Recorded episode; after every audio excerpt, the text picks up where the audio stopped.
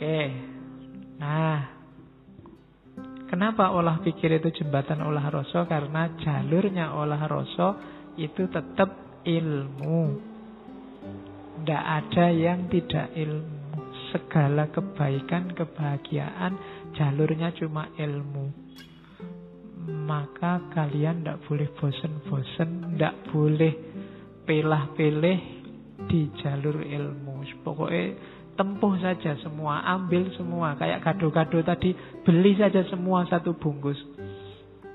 Bahwa nanti lontongnya kamu tidak suka, bahwa nanti tahunya kamu nggak suka, gampang. Daripada pas kamu butuh tahu sudah tidak ada. Pas kamu butuh lontongnya tidak ada. Jadi tempuhlah jalan ilmu. Kenapa? Kalau kamu tidak menempuh jalan ilmu, hidupmu akan kacau. Jangan sampai hidup yang hanya sekali ini berantakan. Uripe sepisan rusak. Kenapa kok hidup kita rusak? Nora mulur nalare, pating seluwir. Pikirannya tidak berkembang dan kacau. Kalau orang pikirannya tidak berkembang dan kacau, kadito gua kang sirung. Seperti gua yang gelap. Jadi hidup kita jangan rusak.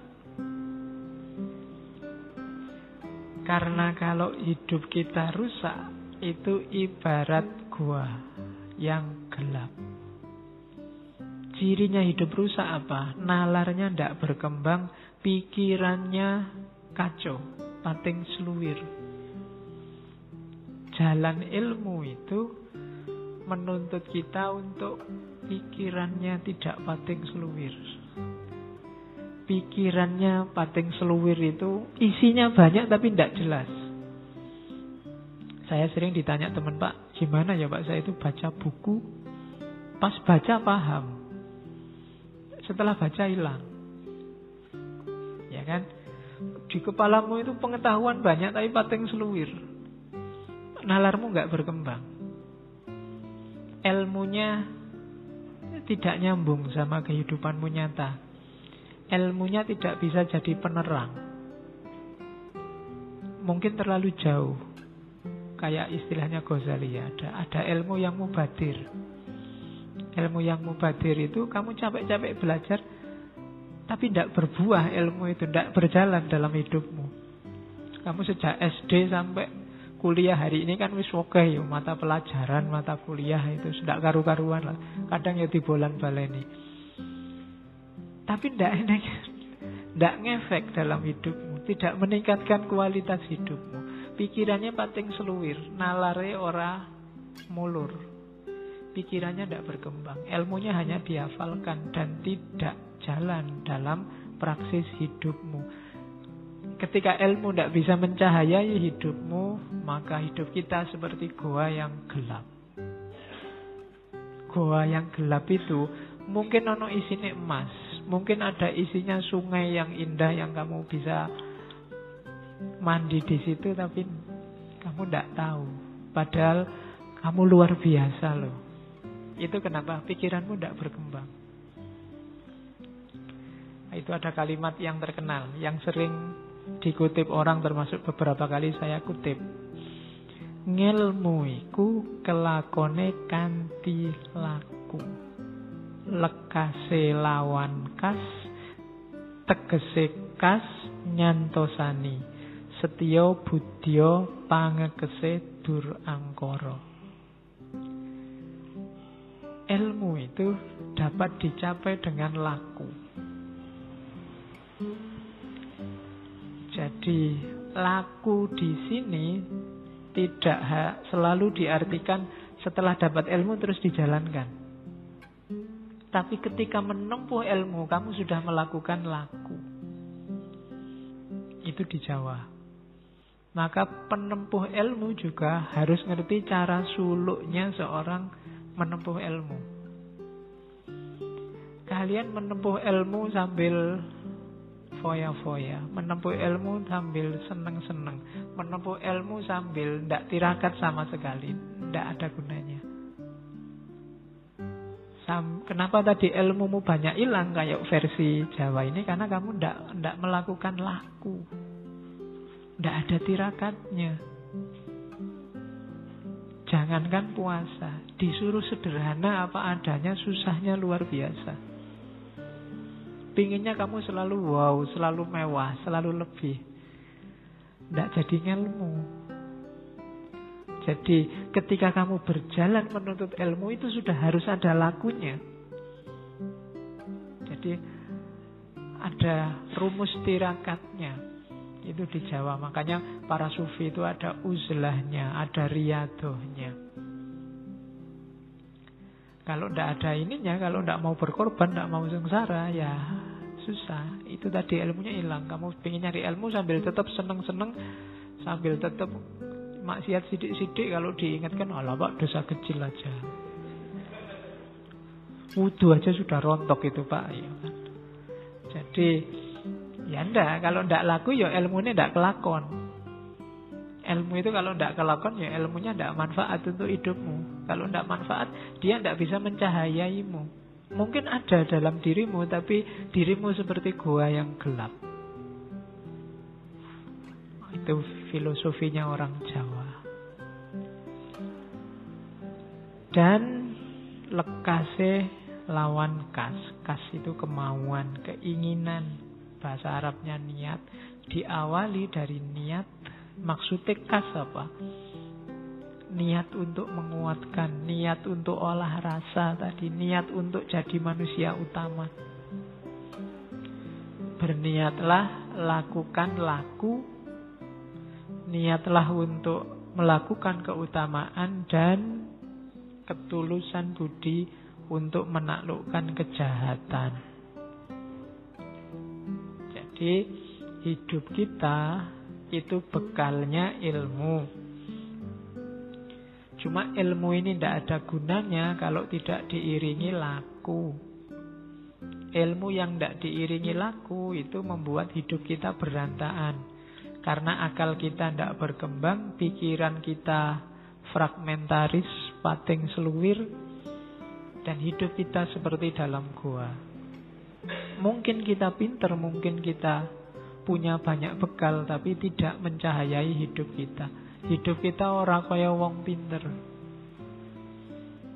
Banyak kan orang yang sarjana, mungkin dokter, mungkin profesor, akhirnya dipanggil KPK. Kenapa bisa begitu? Ilmunya tidak mencahayai hidupnya. Mungkin dia ngerti, mungkin bahkan apal ayat, mungkin juga bisa ceramah. Buktinya kalau ke pesantren ya para santri cium tangan. Tapi ilmunya sendiri tidak mencahayai hidupnya. Jadi tempuhlah jalan ilmu nasihatnya Mangunung Gerompat dengan laku yo gelem lah tirakat tirakat itu bukan berarti hidup tidak punya punya tapi kamu ambil secukupnya kadang-kadang kamu cegah dirimu untuk tidak menikmati yang bisa kamu nikmati. Itu puasa. Makanya saya sering dulu waktu filsafat puasa hanya orang puasa yang menikmati ngerti enaknya buka puasa. Kalau kamu tidak puasa, tidak ketemu buka puasa. Maka jalani laku. Yang ingin masa depanmu cerah, mungkin sekarang kamu ragu-ragu, bimbang, tirakatlah. Cari jalur tilakat sesuai yang kamu cocok. Puasalah. Puasa tidak harus dalam arti harafiah kamu tidak makan, tidak minum, Senin, Kemis, Daud, dan kawan-kawan. Itu boleh. Tapi yang jelas, kekang dirimu. Jangan dilampiaskan sekarang. Nah itu jalannya penempuh ilmu. Terus selanjutnya, nah ini antara lain dietnya para pencari ilmu versi Wedotomo. Yang pertama apa? Tandahwen pati openan. Jangan iri, jangan dengki. Penyakitnya manusia hari ini gara-gara medsos iri, dengki. Dengki itu tidak suka kalau orang lain seneng. Seneng kalau orang lain susah. Biasanya kelompok sana. Kalau kelompok sana dapat masalah, kamu seneng. Nah, siapa suruh milih gubernur itu? Sudah tak bilang. Kalimat itu menunjukkan kamu dengki sebenarnya. Atau kalau sana sukses, kamu iri. Alah kayak gitu aja. Jagoku bisa lebih baik. Itu iri. Jadi bersihkan dirimu dari hal-hal itu. Tentang apa pun pada siapa pun. Kalau dua ini masih ada ya ilmu tidak akan jadi cahaya. Iri, dengki. Terus tanpa nasten. Tidak gampang ngamukan. Kalau dikritik orang, diingatkan orang, atau ada yang tidak cocok sama kebenaran yang kamu yakini, jangan cepet-cepet ngamuk toh. Jangan panasan. Hari ini kan kita gampang panas.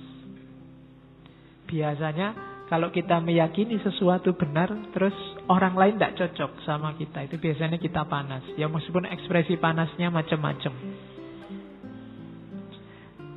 Jadi tanpa nasten. Terus jangan ganggu orang lain. Nora jahil. Oke. Mungkin jahilnya beda ya hari ini. Jahilnya itu kadang bikin foto-foto di Photoshop, terus bikin nah itu jahil. Atau mungkin kamu punya teman kuliah ala pak iseng-iseng daripada sepi ganggu temenmu. Itu jahil namanya sandalnya disembunyikan. Lagi enak-enak di kamar mandi bajunya dibawa lari itu jahil. Contoh paling gampang.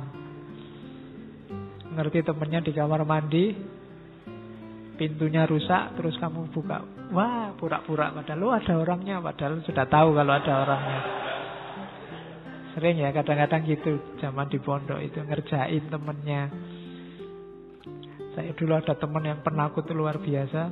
Kalau ke kamar mandi malam-malam dikerjain teman-temannya. Dari jauh dilempari batu. Dueng gitu. Dia kaget luar biasa. Kaget langsung lari keluar. Aku rawati. Terus balik lagi. Aku rawati kok. Balik lagi. Itu jahil. Biasanya kalau yang seusia kita kan suka jahil sama tetangga suka-suka jahil. Ndaklah iseng-iseng yang ndak penting. Ya seusia kita sekali-sekali jahil asal ndak bahaya ya. Untuk menyegarkan suasana. Misalnya kopinya dari dia ngantuk kopinya mbok entekke ngono ndak masalah lah konco dhewe.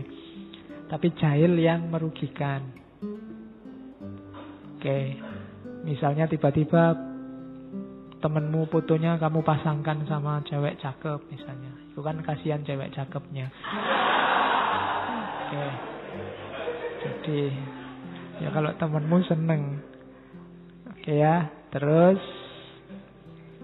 jangan melampiaskan hawa nafsu. Hawa nafsu itu kamu penuhi sekadarnya saja, tidak usah angkara murka dihabis-habiskan. Kita dunia itu butuhnya tidak banyak. Dan amung eneng amreh ening. Jadi lebih suka diam, mencari ketenangan, menjernihkan pikiran. Kalau menurutmu WhatsApp, Facebook itu mengeruhkan caramu berpikir, jangan sering-sering dibuka. Itu namanya amung eneng amrih ening. Nyari keheningan. Kalau menurutmu temanmu yang itu ngomongnya banyak, menjauhkan kamu dari ketenangan. Ya, dijauhi sementara. Jangan sering-sering sama dia dan seterusnya. Itu suka pada yang keheningan, ketenangan. Selama kita menempuh jalan ilmu, itu jalan tirakatnya. Syukur-syukur kita ada guru yang bijak. Sarjono kang martapi. Sarjono itu guru. Kang Martapi itu kalau disingkat SKM. Beda sama SAG, beda sama ya. Sarjana Kang Martapi itu orang bijaksana yang berjiwa pertapa. Berjiwa pertapa, topo itu bahasa sufinya mungkin uzlah. Orang yang sudah menang melawan dunia.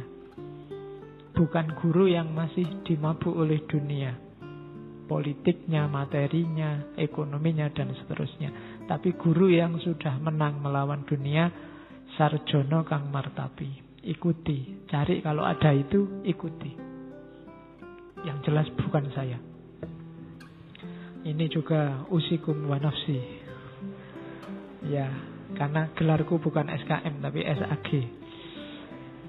Ya, jadi sarjono kang martapi. Jadi kalau kamu lihat ada guru yang tidak terpesona lagi oleh dunia, yang dunia bagi dia sudah tidak penting, ikuti.